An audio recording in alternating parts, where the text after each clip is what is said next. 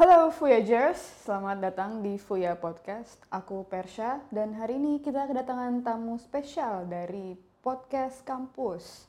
Ya, selamat datang Kak Ayu. Halo teman-teman Voyagers ya, bener ya panggilannya? Voyagers, bener. Oke, kenalin aku Ayu dari Community Spesialisnya Podcast Kampus. Oke, salam kenal ya Kak Ayu. Ayu aja manggilnya. Ayu aja, oh biasa seumuran. masih muda ya, oke kelihatan sih. Jadi hari ini tuh kita mau ngomongin tentang dampaknya hate speech ke passion kalian. Kenapa sih topik ini penting untuk didiskusikan?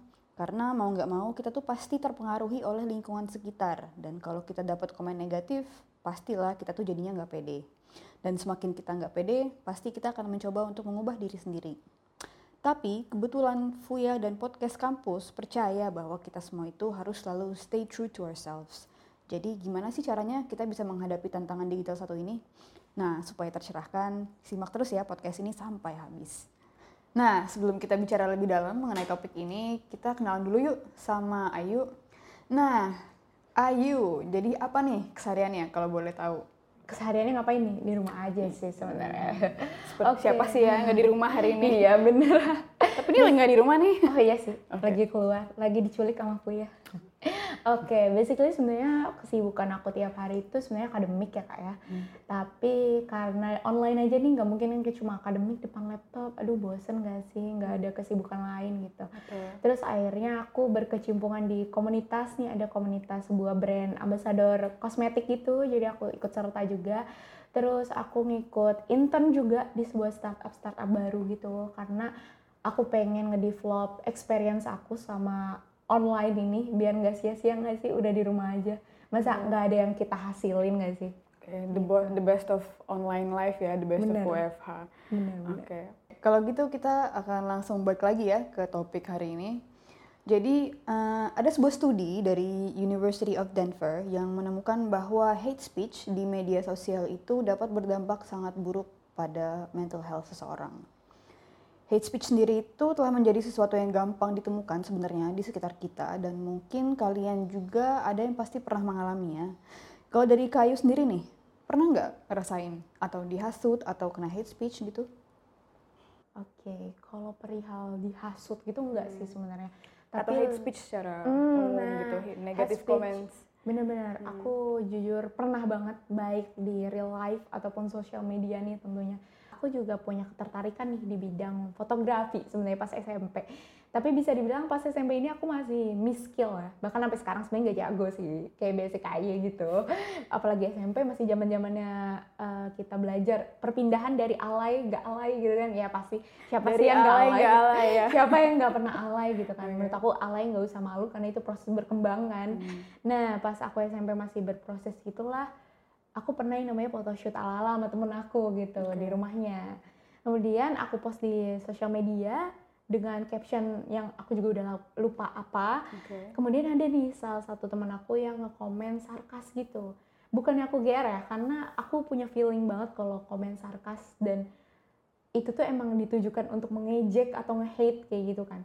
Karena kenapa aku bisa buktiin karena dia tuh komennya di like juga nih sama geng-gengnya kayak gitu. Terus aku mikir dong kalau emang caption aku salah, kenapa dia nggak benerinnya secara personal kayak gitu loh. Karena etika yang baik dalam menegur seseorang itu kan lebih baik personal ya, bukan di publik kayak gitu kan. Tapi dia melakukannya di publik gitu. Kalau emang niatnya baik untuk membenarkan, sebenarnya aku welcome banget kan kayak gitu. Tapi sayangnya itu malah dilakukan di comment section, kemudian teman-temannya juga jadiin tuh kayak top comment gitu Oke. jadi kayak aku langsung kayak ya ampun emang salah ya konten gue emang salah ya caption gue salah banget ya fatal banget ya kayak gitu loh. Dan dari hal tersebut tuh ngefek banget sama aku ke depannya. Jadi setiap aku ngepost foto aku langsung lockout IG karena nggak mau lihat gitu loh nggak mau lihat komennya. Duh takut banget nanti ada yang komen jahat gak ya gitu.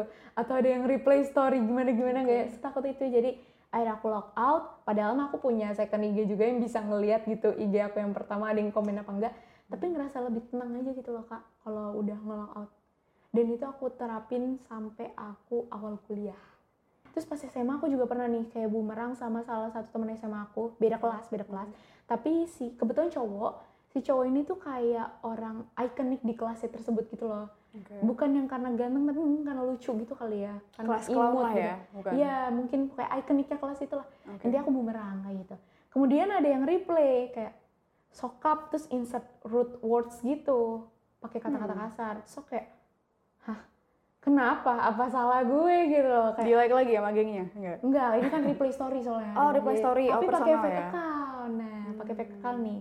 Tapi nggak tahu ya, aku ngerasa kayak Allah tuh baik gitu loh sama aku. Aku selalu dapat jalan buat tahu siapa orangnya.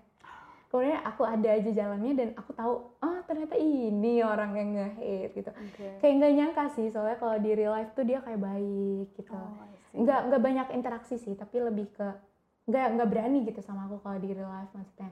Ya Hmm. maksudnya ya buat apa juga berani sebenarnya. Maksudnya kita emang nggak ada interaksi aja gitu. Cuma akhirnya uh, aku cuma bisa bales dia dengan kalau ketemu aku senyumin kayak gitu. Uh, dan Seperti setelah tidak itu, ada apa-apa ya gitu. Hah, seperti tidak apa-apa, tapi sebenarnya itu sangat ngefek sama aku sih. Sampai aku awal kuliah sebenarnya kayak kenapa sih orang-orang gitu selalu aja nyari masalah sama gue gitu padahal gue aja nggak nggak ada bikin fenomena apa-apa gitu kayak aku jadi diri aku aja padahal kak kayak gitu. Pertanyaannya, kenapa sih hal ini bisa terjadi? Kenapa kita bisa terpengaruh dengan pendapat orang lain? Kok bisa sih kita nelen gitu komen negatif orang? Padahal kan kita mungkin nggak kenal dia gitu, atau dia nggak ngalamin apa yang kita alamin. Kenapa bisa kita telan? Kalau dipikir-pikir, kadang kita sebenarnya nggak sanggup untuk membela diri karena kita sendiri aja belum pede atau belum yakin atau belum paham tentang passion kita. Jadi kalau kita sendiri aja belum yakin, gimana orang lain mau yakin? Ya nggak? Nah, sejalan dengan visi misi Fuya, kebetulan kita di sini memang mau membantu kalian yang belum yakin atau belum paham dengan passionnya. Nah, jadi kami di Fuya di sini menyediakan program-program eksplorasi minat dan bakat yang bisa membantu kalian menemukan passion yang sesuai dengan kepribadian kalian masing-masing. Jadi, kalau sudah tahu nih apa passionnya dan apa motivasinya, pasti akan lebih kebal melawan para haters. So, be confident in your passion. Tapi, passion aja sebenarnya nggak cukup. Ada faktor lain yang nggak kalah penting kalau mau bicara tentang passion dan masa depan. Faktor yang orang-orang suka lupa atau lalai bahwa itu adalah faktor kegigihan. Passion kalau nggak diimbangi dengan kegigihan akan kurang realistis ya kalau dipikir-pikir. Bayangin nih, udah ada tujuan, udah ada motivasi, udah ada motivasi untuk maju, tapi di perjalanan kita capek, akhirnya berhenti. Jadinya kita nggak akan sampai tujuan karena kita udah puas atau udah capek duluan ngadepin tantangan eksternal tadi. Tantangan eksternal apa? Ya salah satunya yang cukup dekat dengan kita saat ini ya apalagi kalau bukan hate comments. Oleh karena itu, kalian juga harus punya kegigihan yang tinggi dalam meraih passion kalian. Di Fuya, kita juga ada program Fuya Lab dan Fuya Coach yang bisa membantu kalian mengenali seberapa gigih kalian dan gimana sih kalian bisa menikmati meningkatkan kegigihan tadi.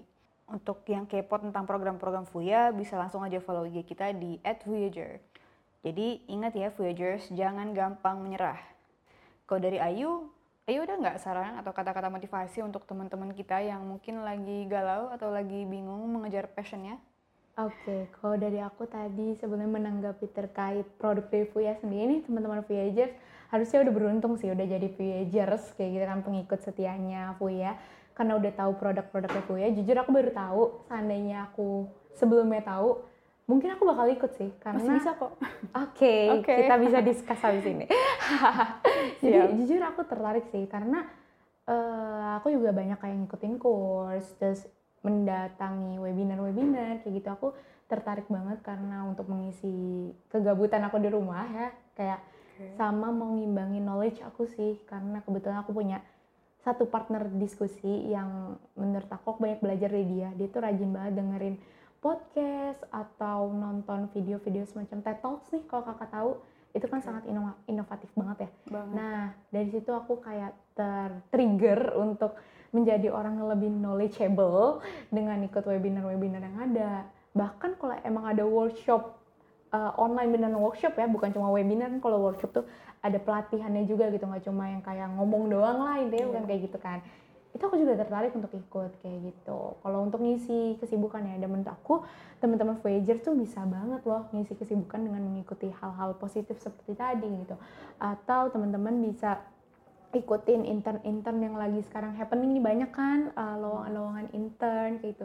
Atau mau jadi bagian dari Fuya juga bisa kan ya bisa Fuya. banget. Ada internnya juga kayak gitu. Nah sebenarnya tempat kita berkembang itu di mana aja? Yang penting tuh kita punya growth mindset dulu nih. Kita mau gak sih maju one step ahead dari orang-orang yang masih cuma rebahan doang di rumah? Kayak gitu. Karena persaingan di dunia itu kan makin ketat ya bener tadi kata Kak Persya apalagi corona kayak gini aku ngerasain sendiri nyari kerja susah kayak gitu ya.